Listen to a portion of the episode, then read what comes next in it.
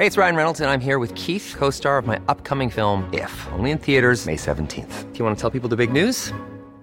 All right, I'll do it. Sign up now and you'll get unlimited for $15 a month in six months of Paramount Plus Essential Plan on us. Mintmobile.com slash switch.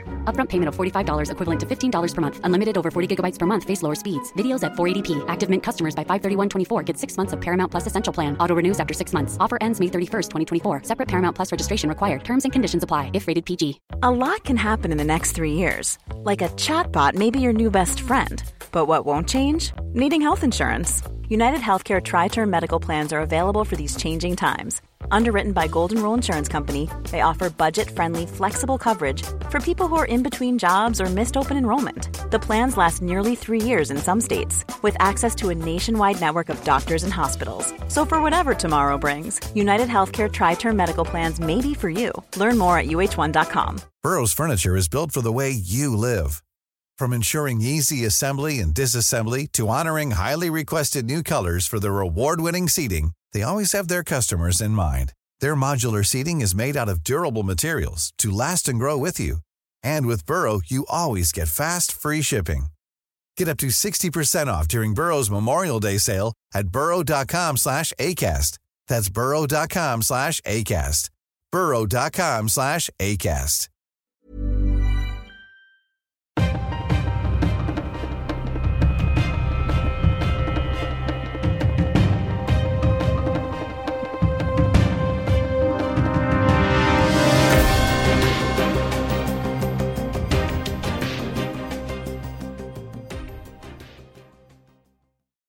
Så, då säger vi än en gång hej och eh, mycket varmt välkomna till ett nytt avsnitt av dagens Juridikpodden. William Eriksson heter jag, sitter i studion tillsammans med dig Stefan Wahlberg. Idag ska väl ljudet bli så bra som det bara kan när vi båda sitter framför en eh, fin mikrofon. Ja, man får hoppas det. Det är inga distansinspelningar här. Och det är onsdag, det är grått ute utanför fönstret här i centrala Stockholm, eller hur? Va? Ja, det är fruktansvärt. Jag måste säga det. Det, det, det är en kamp att ta sig upp ur sängen varje morgon tycker jag. jag. jag. tycker man kan vara ärlig och säga det. Det är bara trams att säga att det här skulle vara någon rolig årstid eller någonting. Utan man biter ihop och sen så gör man det man måste. Men det är fan inte roligt alltså. Men eh, då är du ändå en early morning bird som brukar vara uppe och motionera och promenera och sådär normalt ju. Ja, alltså jag tror att allting handlar om inställning här i livet. Jag är ingen morgonmänniska, jag är en kvällsmänniska, men klockan ringer 5.30 och det gör den för att den måste. Det har ingenting med att man tycker att det är kul att gå upp eller att man vill gå upp eller vakna tidigt eller vakna sent eller vad det nu är. Det, alltså, det är en fråga om inställning. Har man ett jobb som man måste sköta och måste vara på plats i tid, då får man ju gå upp då. Så får man ju, det spelar, när man har gått in i duschen fem minuter efter att klockan har ringt så, så det är svårt att somna stående i duschen så att säga. Då är man ju vaken. Så är det, uppe med tuppen. Du, eh, imorgon är det så att eh, Sveriges eh, NATO-ansökan ska föredras i det turkiska parlamentets eh, då, utskott för den typen av frågor. Och eh, det är liksom nästa steg för Sverige i det här innan det läggs fram för parlamentet och, för omröstning och sen är det då i princip klart efter att Erdogan har satt sin namnteckning under parlamentets beslut när det gäller Turkiet. Vad tror ja, du? Från Turkiets sida ja. Eh, sen har vi väl Ungern kvar också. Sen tror man väl att de ska följa i de turkiska ledbanden så att säga. Men ja, det är väl det mesta talar väl för. Det är, det är ganska intressant det där med NATO-processen tycker jag. För jag, har, jag hade liksom eh, slutat tänka på det om jag ska vara helt ärlig. Det, det, har liksom inte varit någonting som, som jag har gått runt och tänkt på sen i somras när man förstod att det här skulle skjutas upp ytterligare och det turkiska parlamentet skulle vara vilande under en viss period och, och sen så har ju den svenska regeringens smörande oavsett om man tycker det är bra eller dåligt pågått antar jag och förhandlingar har pågått eh, och nu så får vi väl se då eh, om det blir en kråka under det här dokumentet. Men det, det, är väl sannolikt så och det är väl jättebra att vi nu kommer med i NATO tycker jag. Ja i så fall så, så är det ju en utmärkt tidpunkt här snart. De har ju något nytt möte i slutet av den här månaden som, som faktiskt skulle kunna vara den tidpunkt när vi blir fullvärdiga medlemmar. Vi har pratat lite om det här även om det ligger i juridikens utkanter men det har ändå med politiska eh, beslut att göra och Sveriges riksdag har varit inblandad och inför ansökan och så vidare. Jag tycker det är spännande politiskt om inte annat därför att som jag tror vi har pratat om någon gång här att om, om om det lyckas, vilket det med stor sannolikhet gör, att vi kommer vara medlemmar i NATO så kommer ju regeringen att, att eh, dra stora politiska poänger på detta. Och då tycker jag att man omväntvis måste även kunna säga att om det här inte lyckas så är det naturligtvis ett politiskt nederlag. Jag vill inte måla fan på väggen för det, jag tror faktiskt att han kommer gå igenom men jag tycker att det ändå är en fråga som ligger i, i, i den svenska eh, demokratins och politikens eh, händer i båda riktningarna. Man kan inte både ha kakan och äta den utan skulle, skulle det gå åt pipsvängen så, så, så, så, så kan man inte bara skylla på Eh, olyckliga omständigheter och, och märkligt agerande utomlands ifrån. Då, då, kan man inte heller ta åt sig äran om det skulle gå vägen så att säga. Det ska bli intressant att se om vi nu uppehåller oss lite här vid politiken, vi, liksom hur, om man har så att säga inom ramen för de svenska partierna kommit överens om att ingen så att säga ska få, få eh, göra för mycket politiska eh, poänger på det här medlemskapet eller om det blir så att säga en dragkamp mellan Magdalena Andersson och Ann Linde och Ulf Kristersson och Tobias Billström när det gäller frågan om vem som egentligen har gjort det tyngsta arbetet. För någonstans var det ju den socialdemokratiska tidigare regeringen som så att säga lyckades få det här avtalet på plats med, med NATO, skrev det här memorandumet och, och liksom hade förhandlade med Stoltenberg och, och Erdogan och sådär. Men så om vi nu kommer med så är det ju Billström Billström och Kristersson eh, tillsammans med den här tidigare chefsförhandlaren då som på något sätt har baxat Sverige in i NATO. Då är frågan så här, har man kommit överens på förhand om att så här, det här är någonting som vi har gjort tillsammans, det är en politisk blocköverskridande överenskommelse, det här vill vi alla, så att Sverige är glada för att få komma med i NATO. Eller kommer liksom de här två blocken, om vi sätter Socialdemokraterna och Moderaterna på varsin sida, att försöka eh, ta poäng på det här medlemskapet på varsitt håll? Jag tror, eller jag tycker att man till och med med viss eh, säkerhet kan säga att det har varit sån samstämmighet mellan eh, då Ulf Kristersson å ena sidan och Magdalena Andersson å andra sidan i de här frågorna och man har liksom kliat varandra på ryggen och berömt varandra och eh, varit väldigt eniga kring att det här är det bästa för Sverige. Att det i bakom lyckta dörrar och mellan fyra ögon sannolikt har eh, gjorts någon form av helt informell överenskommelse om det du pratar om. Att, att så här, vi har gjort det här gemensamt och i samförstånd för, för Sveriges bästa, vilket jag helt ärligt och uppriktigt tror också. Man har insett att det här är absolut nödvändigt för att Sverige ska kunna fortsätta eh, med, med den, som, som nation i den värld vi lever i och de risker som faktiskt finns för att det inte skulle kunna vara så. Men, men eh, ja, så tror jag att det är och, och det är lite grann vi ska gå hand i hand genom livet du och jag. När det gäller NATO så gäller det för den gamla slagdängan tror jag för både moderater och socialdemokrater. Ja, det är mycket, vadå, vi kan väl uppehålla oss här. Jag bara slänga in en rolig grej. Jag såg på ett av mina favoritprogram faktiskt igår, tisdag, så tittade jag på det här. Det finns något som heter Utrikesbyrån. SVT har ju det här oh, massa ja. olika byråer, Politikbyrån och Ekonomibyrån och Utrikesbyrån.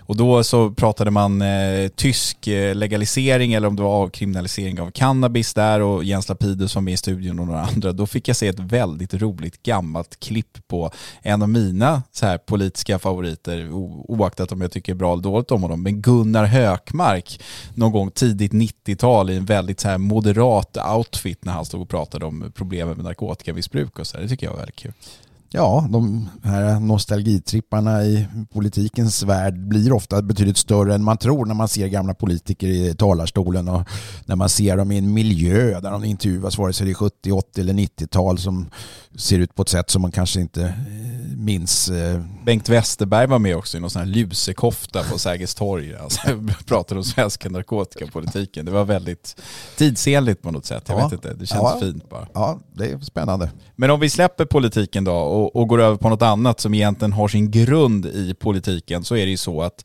du har skrivit en artikel som har publicerats på Dagens Juridik, Stefan, som handlar om de här så kallade offentliga ombuden som så att säga ska vara vår, de enskildas, eh, de statliga medborgarnas garant för att eh, exempelvis hemliga tvångsmedel inte används när det inte är proportionerligt och inte används på så att säga, lösa grunder eller lösa boliner. Och man kan väl säga att efter ett ganska digert arbete där du bland annat har processat i Högsta domstolen och vunnit för att få ut vissa typer av uppgifter från hovrätterna och eh, kanske andra domstolar också som har viss information som var nödvändig för att kunna skriva den här artikeln så kan vi konstatera att det är extremt, extremt, extremt sällsynt att eh, åklagarnas Eh, eller så att säga domstolarnas beslut om att tillåta eller inte tillåta hemlig tvångsmedelsanvändning överklagas av de här offentliga ombuden. Och då kan man ju fråga sig, är de bara så att säga papperstigrar som sitter där för syns skull eller har de någonting där att göra? Det är väl den frågan man ställer sig när man har läst din artikel tror jag.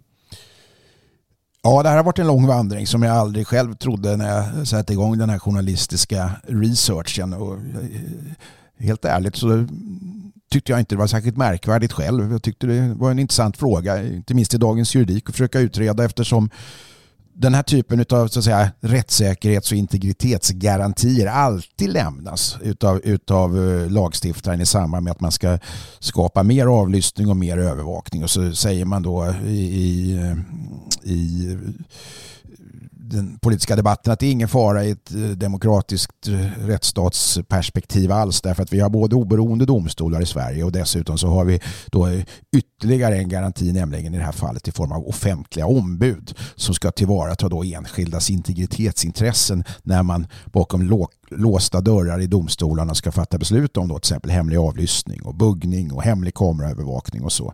Det vill säga sådana situationer som allmänheten och media och, och för övrigt den enskilde själv inte alls har någon insyn i.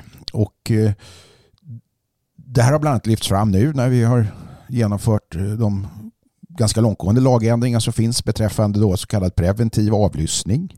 Eh, vi har ju de offentliga ombuden, de har rätt att överklaga Eh, till hovrätten om de inte tycker att det här är någonting som är, är korrekt hanterat i tingsrätten. Då tänkte jag helt enkelt att vi, vi kollar hur de offentliga ombuden fungerar. Och det var där jag började och tänkte då att det här kunde väl vara något, något, något, något ett intressant eh, ämne att ta upp i dagens juridik.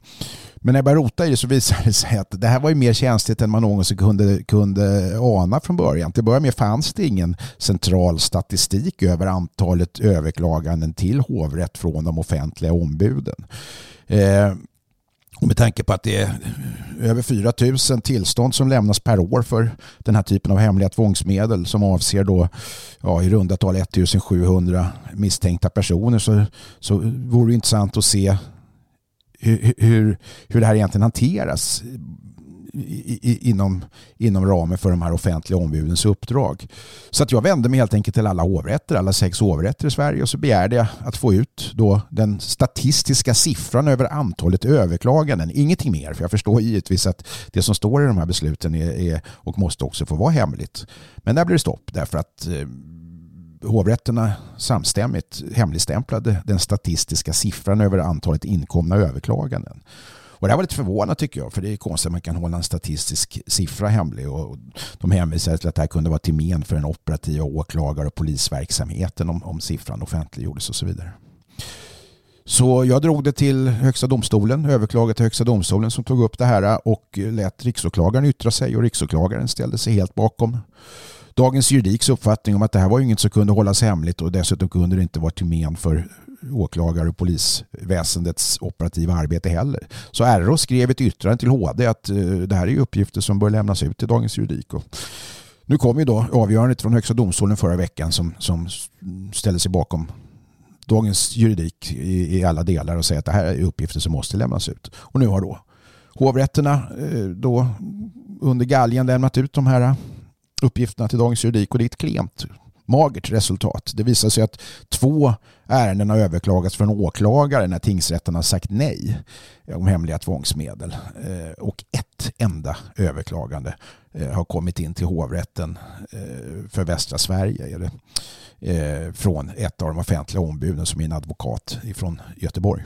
Så egentligen kan man säga så här, det vi vet när vi tittar på de här siffrorna, det är om man bara inte gör några vidare analyser så är det så här, Sverige har ett helt perfekt fungerande system där åklagare alltid begär att få tillgång till den här typen av uppgifter på helt korrekta grunder, det finns aldrig några tveksamheter eller liknande och domstolarnas beslut är alltid korrekta förutom i ett fall. Det, om man, om man liksom, det, det, är den slutsatsen man kan dra. Ja, här. det kan man göra och då ska man ändå ha klart för sig att av dessa tusentals tillstånd som lämnas och, och då och drygt 1700 personer som är, är, är, misstänkta för brott på den nivå som krävs enligt, enligt rättegångsbalken för att kunna bli föremål för hemliga tvångsmedel så är det i 18 fall så avslog tingsrätterna Eh, de framställningar som gjordes från åklagare. Så redan där kan man ju tänka sig så här att ah, antingen fungerar det fullständigt utmärkt, eh, det vill säga åklagarna begär inte någon, någon form av tvångsmedelsanvändning om det inte absolut står klart att det är någonting som, som uppfyller lagens krav, mer än i 18 fall då. Och så har vi ett fall där det offentliga ombudet som uppbär arvode och, och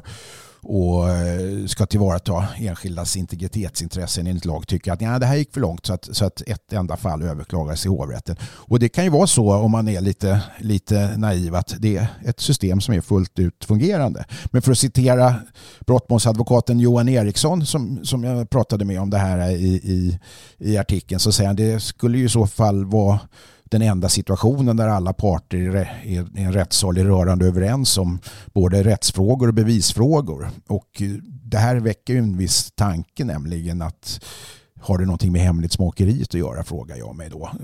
Så här, så här är det ju inte när det gäller domar som har fallit eller häktningsbeslut som med jämna mellanrum överklagas till högre, högre rätt och så vidare. Eh, så på ett annat sätt det är, är det, tycker jag, väldigt intressanta siffror. Men det är oerhört intressanta siffror och jag kan ju liksom, jag, det var viss ironi inblandad i det jag sa tidigare, det låter ju helt o, osannolikt alltså att det skulle finnas. Jag menar okej, okay, man får avslag i 18 fall av, av eh, tusentals ärenden Ja, antingen så är åklagarna extremt duktiga och det betvivlar jag egentligen inte, men jag menar någonstans borde det ju någon gång ha funnits ett beslut, mer än ett sådant som man åtminstone skulle överklaga för den goda sakens skull och säga så att det här tycker jag ändå att hovrätten borde pröva om man då sitter där som offentligt ombud. För annars så, min bild blir nu att det sitter ett antal offentliga ombud i Sverige som sitter där och cashar in timtaxan och, och putsar glasögonen och så, så, så ger man tummen upp till domstolen och sen går man vidare i livet och gör något annat. Det är ju den bild, alltså jag kan inte inte frigöra mig från att det, det, det, är det jag ser framför mig. Om man kan någonting om det här så förstår man ju också att det du nu säger är det som är det korrekta. Naturligtvis borde flera ärenden, ärenden överklagas eh, utifrån det hur det i övrigt ser ut. Det här är ju inte, vi har inte ett eninstanssystem utan ett tvåinstanssystem. Och i alla andra fall överklagas. Så varför skulle det här då varit ett undantag där alla parter konstant är, med ett undantag förra året då, då är överens. Men det intressanta är att de här ombuden, då, de här offentliga ombuden utses, först säkerhetsprövas de eh, enligt säkerhetsskyddslagen eh, och sen utses de eh, för tre år då, utav regeringen och det finns ett drygt hundratal offentliga ombud i Sverige och de skall enligt, enligt rättegångsbalken vara advokater eller före detta ordinarie domare. Eh, de här listorna som jag också har fått ut från regeringen visar ju då att en majoritet, om än en liten så dock en majoritet är just före detta ordinarie domare och, och en minoritet är då advokater i, i det här sammanhanget. Och en av dem som har haft uppdrag under den här perioden eh, som, som offentligt eh, ombud är faktiskt den före detta lagmannen Stefan Strömberg eh, känd även som före detta rikspolischef, generaldirektör för Domstolsverket och en gång i tiden var faktiskt lagman även för Göteborgs tingsrätt. Och jag pratade med honom i den här artikeln och han han har inte överklagat ett enda beslut av de 20-30 ärenden som han själv har deltagit i som offentligt ombud. Men han säger ju också i, i, i artikeln att, att den viktigaste funktionen är att ombuden finns på plats för att, så att säga, framtvinga ett, ett, ett, en allsidig och komplett belysning av ärendet i samband med beslutsfattandet i, i domstolen. Och han tyckte inte själv i de ärenden han deltagit i att det fanns en anledning eller grund att överklaga efter det att han har fått ta del av utredningen och ställt ett antal kontrollfrågor. Och det är klart det ligger någonting i det han säger men man återkommer ju ändå trots allt till tanken om att varför är det inte så i till exempel Eh, häktningssammanhanget för den delen efter en huvudförhandling att jaha men nu har ju åklagarna gjort sitt jobb här och, och då finns det ingen anledning att, att, att ifrågasätta en fällande dom. Så fungerar det ju inte när, när man har ett kontradiktoriskt system där, där det till exempel sitter en försvarare som då ska tillvarata klientens intressen. Men här finns ingen klient närvarande och det är det som gör att det blir som Stefan Strömberg säger en något mer abstrakt roll. Ja men och det Stefan Strömberg säger har ju poänger men jag menar då skulle man kunna säga så här även om domstolarna och och åklagarna så att säga tillhör staten så har de ju vitt skilda uppgifter. Jag tror inte att domstolarna skulle ha något problem överhuvudtaget att så att säga titta på det som en åklagare lägger fram och, och, och värdera det som läggs fram och sen fatta ett beslut. Om det offentliga ombudet ändå inte gör någonting under den här processen då, då behövs ju inte det offentliga ombudet och då kan man ju inte lyfta fram det som så att säga den viktigaste formen av rättssäkerhetsgaranti för att vi ska kunna utvidga möjligheterna till exempelvis preventiv avlyssning eller preventiv kameraövervakning. Jag menar, då har ju det så att säga spelat ut sin roll på något sätt. Om, om, det Stefan, om vi ska liksom gå på Stefan Strömbergs linje så, så kan vi ju skrota de offentliga ombuden för då räcker det ju att saken blir tillräckligt belyst genom att åklagaren lägger fram sina grejer för rätten. Nu är ju det här också ett system som har aktualiserats i samband med förslaget om anonyma vittnen. Att även i det sammanhanget ska det finnas offentliga Eh, ombud som så att säga, ska garantera att det här går rätt till så, mm, i, i, i de här sammanhangen utifrån det som har, har eh, då framlagts i de här utredningarna. Och, och eh, om man ska säga någonting om den granskning som Dagens Juridik har gjort här. Inte, jag menar, uppgiften är att, att ett enda överklagande kom in då förra året är naturligtvis på många sätt utifrån vad vi pratar om uppseendeväckande. Men ska man säga någonting så säga, sammanfattningsvis så kan man väl trots allt slå fast att, att eh, de offentliga ombuden inte på något sätt är den starka garanti för att saker går rätt till som det ofta utmålas som. Och i synnerhet inte när det gäller den här typen av extremt hemliga Eh, förhandlingar och sammanträden och, och, möten som, som ska vara bakom just lyckta dörrar där det i övrigt saknas insyn och det är där man kan tänka sig att just de offentliga ombuden skulle ha en roll. Men är man då rörande överens med, med, med åklagare och domstolen om det som sker där så är det ju precis som du säger, till slut kan man ifrågasätta, ska vi överhuvudtaget ha dem där? Sen kan man ju tycka också, bara om man ska titta på eh, liksom det här processen med Högsta domstolen och så, att det är alltid intressant när myndigheterna gör Alltså genom sitt agerande i den här processen så har ju hovrätterna lyckats göra de här uppgifterna mer hemliga än vad de är. Alltså det låter ju som att det är extremt hemliga uppgifter som vi har tagit del av här. Men det hade ju aldrig blivit den här uppståndelsen om de bara hade så att säga lämnat ut dem till dig. Jag, jag har ju läst själv din begäran och allt sådär. Och du är ju helt ointresserad av, av liksom de hemliga uppgifterna. Det är ju bara statistiken och jag fattar inte att de inte kunde lämna ut dem från början. Alltså, det, jag, jag har pratat med ganska många människor på, inte bara ganska, utan väldigt hög nivå inom rättsväsendet under den här processen eh, efter då de avslag som kom från hovrätterna. Och, och eh, kort och sammanfattningsvis kan man väl säga att det finns någon form av allmän bild av att du rör i sånt som de inte tycker att du har med att göra. Det här är någonting som av tradition och hävd har varit hemligt hos domstolarna. Det gömmer sig i hemliga diarier vilket eh, till och med hovrätten har angett som skäl eller som delskäl för att avslå min begäran mot att få ta del av statistiken. Att det här är något som vi har i hemliga diarier och det finns ett särskilt syfte med dessa hemliga diarier. Vilket inte på något sätt då eh, ska påverka möjligheten att enligt grundlag ta del av handlingarna som finns i det hemliga diariet. Vilket jag då påpekat i, i de här sammanhangen, inte minst i Högsta domstolen. Vilket dom, Högsta domstolen då följaktligen instämmer i. Det finns saker det här är kanske den hemligaste verksamheten som svenska domstolar ägnar sig åt eftersom grundregeln annars är att förhandling med domstol ska vara offentligt. Men när det gäller hemliga tvångsmedel så, så har ju domstolen en, en exklusiv rätt att fatta de här besluten och det ska då av naturliga skäl och måste ske bakom lyckta och stängda dörrar. Och det är det vi liksom sitter här och diskuterar. Om det nu sker bakom lyckta och stängda dörrar på det här sättet, hur ser då garantierna ut för att det går rätt till? Ja, vi har en särskild myndighet som granskar det här, Säkerhets och integritetsskyddsnämnden eh, med, med den förutvarande överåklagaren Gunnel Lindberg i spetsen och de gör ju ett, ett arbete där de, de kontinuerligt granskar hur sånt här eh, sköts. Deras uppdrag är ju inte att granska och överpröva domstolarnas beslut utan framförallt åklagarnas och i någon mening polisverksamhetens eh, tvångsmedelsanvändning, hemliga tvångsmedelsanvändning. Men där sen blir det liksom stopp. Det finns ju inte någon möjlighet för att utomstående, eller till exempel en branschtidning som Dagens Juridik ska granska det här i någon större omfattning och det visar ju inte minst det här när vi bara begär ut något så enkelt som en statistisk siffra eh, över hur vanligt det är med överklaganden så blir det liksom tvärstopp om man är tvungen att processa i Högsta domstolen för att överhuvudtaget kunna redovisa det som vi nu har suttit här och pratat om i den här podden och, och, och, och vi har skrivit en artikel om i, i Dagens Juridik. Och det känns ju på något sätt så här, hmm, ska det vara så här? Nej, knappast va. Vi hoppas att det blir lite kanske efterskalv av det här. Vi får väl se om det blir så, men jag tror att det här är någonting som, som kommer att intressera andra och vi kan väl uppmana er som har åsikter och tankar om detta att höra av er till oss på Dagens Juridik, kanske till podden att dagensjuridik.se om man vill det.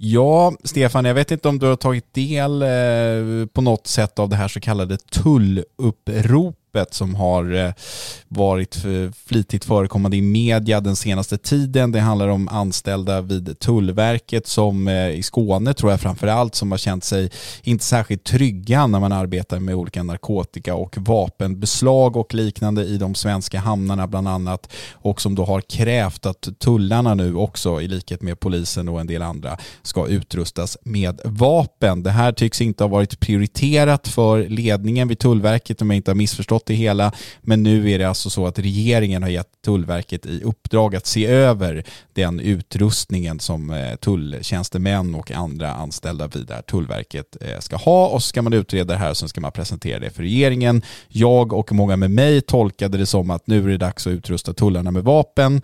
Eh, vad tycker du om det om det skulle bli så? Jag menar, vi brukar ju prata om det här med att ordningsvakter och sådär ska göra eh, polisers arbete och det kan vara problematiskt.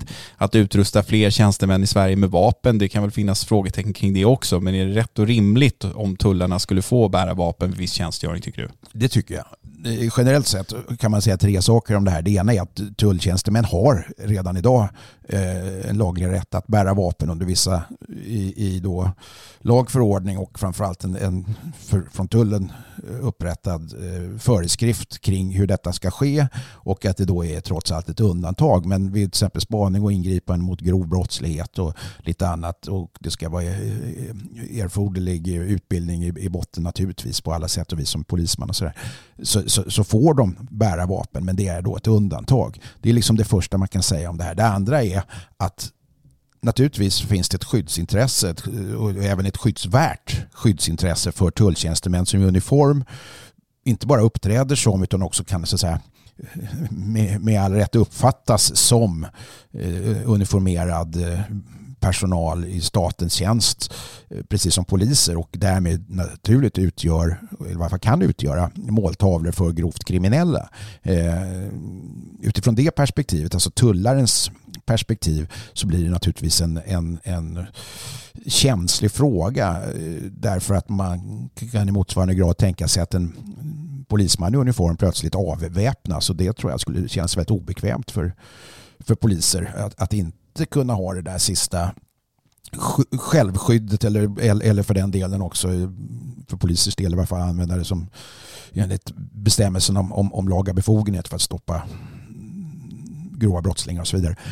Det är det andra perspektivet. Det tredje perspektivet är det som snarast är mer politiskt än juridiskt. Vi ser ju att även om du och jag brukar tävla i den här podden om att peka på att Tullverket egentligen inte är, är en polis eh, eller en del i den, den, den reguljära brottsbekämpande eh, verksamheten under justitiedepartementet utan faktiskt är en så kallad uppbördsmyndighet som ligger under finansdepartementet. Ja, det är en otroligt rolig tävling vi har. Vi funderar på att göra det till ett brädspel. Eh, varför ligger inte tullen under justitiedepartementet? Nej, därför att det är en uppbördsmyndighet, alltså en, en, en skattemyndighet som primärt finns till för att, eh, för att tillgodose intresset av att tull betalas. Alltså, eh, om vi kallar det lite slarvigt för skatt. Då, då. Sen har de därutöver vissa gränsbevakande uppgifter som av naturliga skäl följer av detta. Och, och tullen är ju därför en ganska, man får använda ordet schizofren organisation med å ena sidan siffror och räknenissar i, i, i, i um,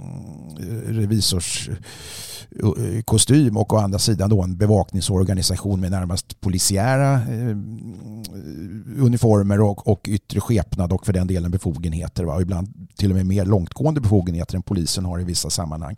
Där det inte alls krävs, krävs skälig misstanke på samma sätt som till exempel polisen behöver i olika situationer. Men det är en annan fråga.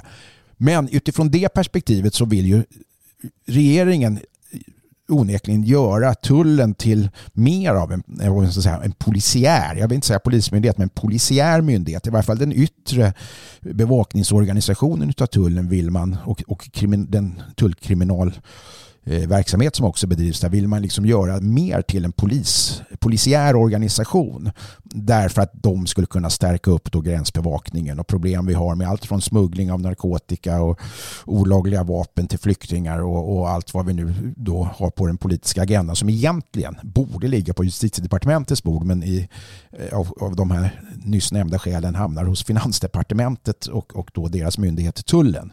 Och i det perspektivet så tror jag att det också är rimligt att säga att de här tulltjänstemännen i yttre tjänst eh, faktiskt eh, måste likställas med, med poliser när det gäller då, till exempel Eh, Eh, självskydd och beväpning. Så att jag har inga principiella invändningar mot det, bara det sker inom ramen för den vanliga eh, lämplighetsprövningen och utbildningskravet och allt, allt vad det nu eh, kan vara som ska vara på plats. Alltså kustbevakare bär ju, tror jag, både, alltså om jag inte missminner mig, pistol, pepparspray och, och, andra saker som, man, som polisen har så att säga.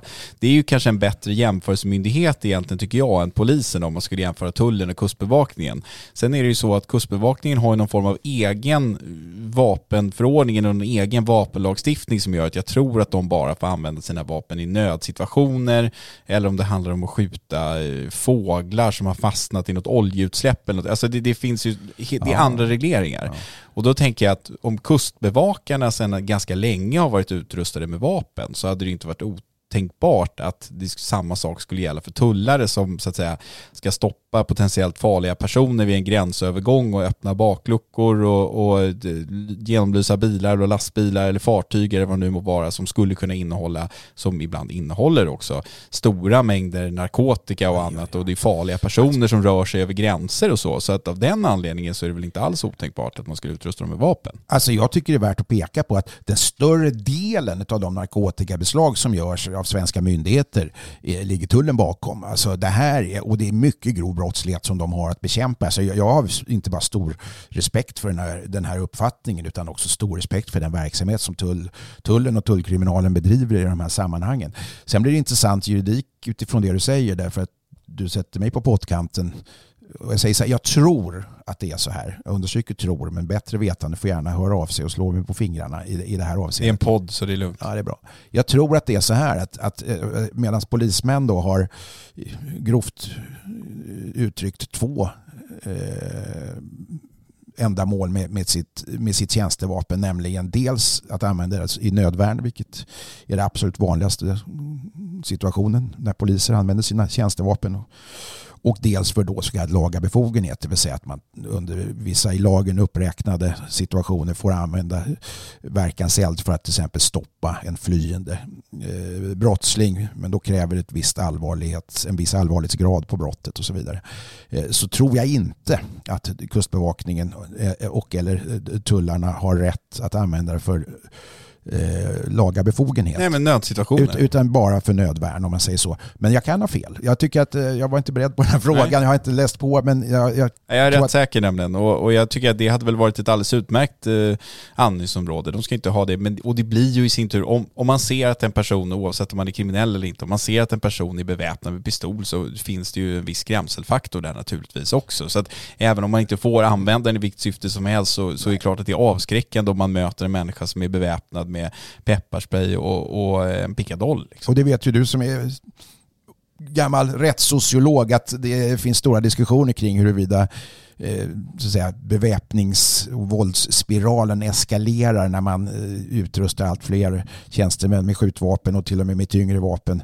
Det är orsaken och själva argumentet för varför till exempel poliser i Norge som grundregel inte är beväpnade, varför poliser i Storbritannien som grundregel inte är beväpnade. Och det finns lite olika utredningar och lite olika forskningsresultat på de här frågorna. Eh, till syvende och sist handlar det ju om den verklighet som de ska möta där ute och inte bara att det är avskräckande. För om det är avskräckande så får det också den effekten att de som så att säga, är tänkta att bli avskräckta själva beväpnar sig. Så det finns ju många argument många bottnar i denna fråga. Så är det. Så är det och den som väntar på något gott väntar aldrig för länge och du och jag kommer sitta i spänd väntan på den här utredningen. Så är det. Ja, och kanske ännu mer spänd väntan på den dagen när det kommer en utredning kring huruvida Tullverket ska tillhöra justitiedepartementet eller finansdepartementet. Det är en fråga som du och jag tycker är väldigt spännande och intressant. Avslutningsvis vill jag säga jag är inte för att ordningsvakter ska få eh, bära skjutvapen.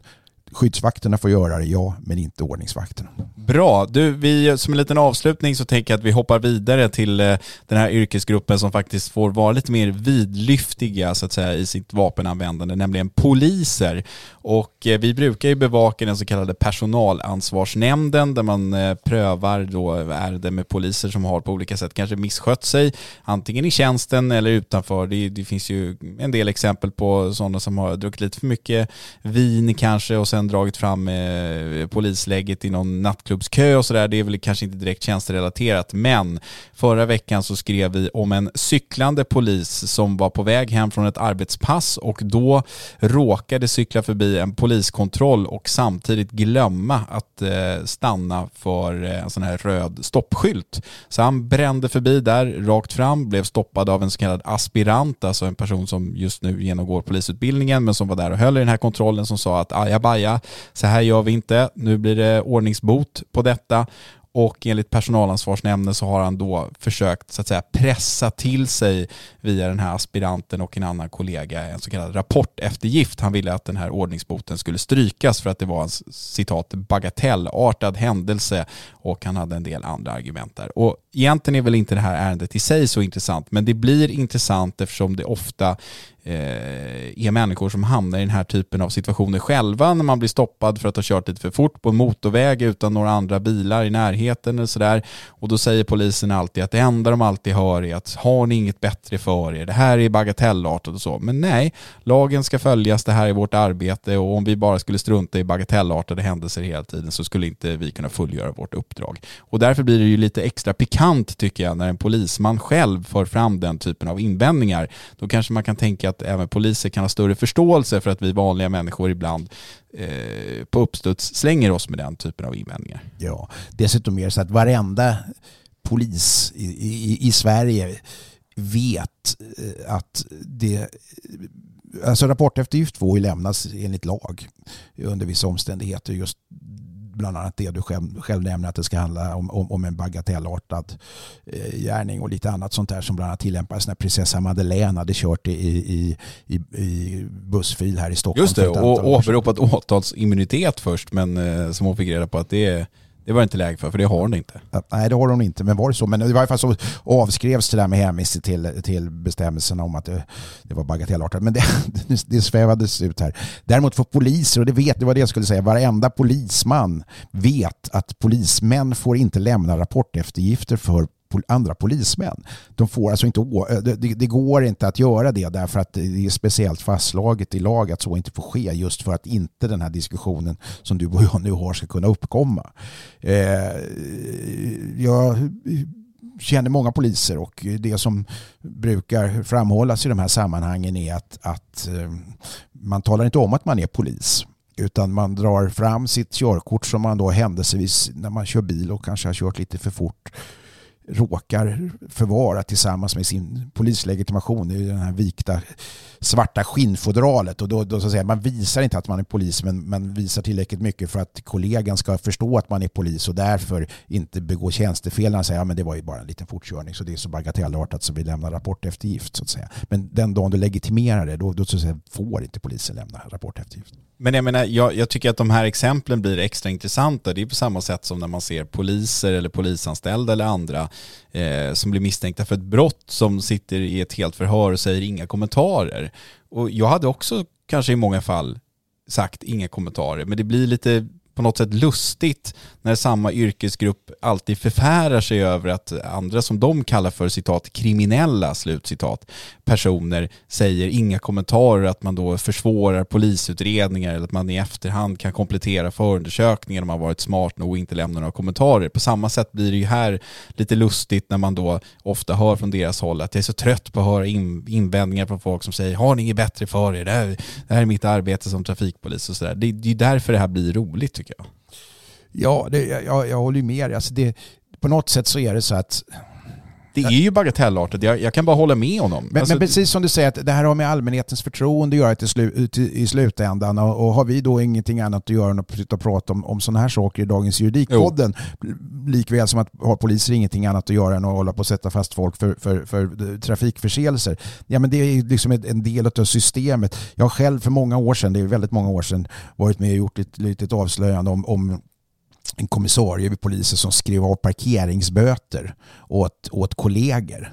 Vilket ju då mm, naturligtvis inte är varken lagligt eller, eller, eller tillrådligt ur ett perspektiv av allmänhetens tilltro. Och det, det, är naturligtvis sånt som också väcker starka känslor när sånt kommer ut i media. Att poliserna skriver av p-böter åt, åt varandra så att säga. Sen sätter de och parkeringsvakterna p-böter på andra som då ska surt betala detta. Det, det blir på något sätt i, i den vardagsjuridiska världen en, ett, ett, ett litet, eh, en liten adel som, som kan göra som de vill om man inte håller efter sånt här. Och det är därför det är viktigt att både hålla efter och att prata om det som vi gör nu. Ja, min reflektion är väl bara att de alla kan vara överens om att ibland råkar man köra för fort, ibland så kanske man missar en stopplikt när man cyklar och, och ibland så vill man säga inga kommentarer när man är misstänkt för brott eller man kanske har en familjemedlem som inte vill berätta var man uppehåller sig om man så att säga kan undandra sig en delgivning. Alltså alla är vi oss själv närmast någonstans och man får ha respekt för att människor i vissa typer av situationer situationer agerar på ett visst sätt.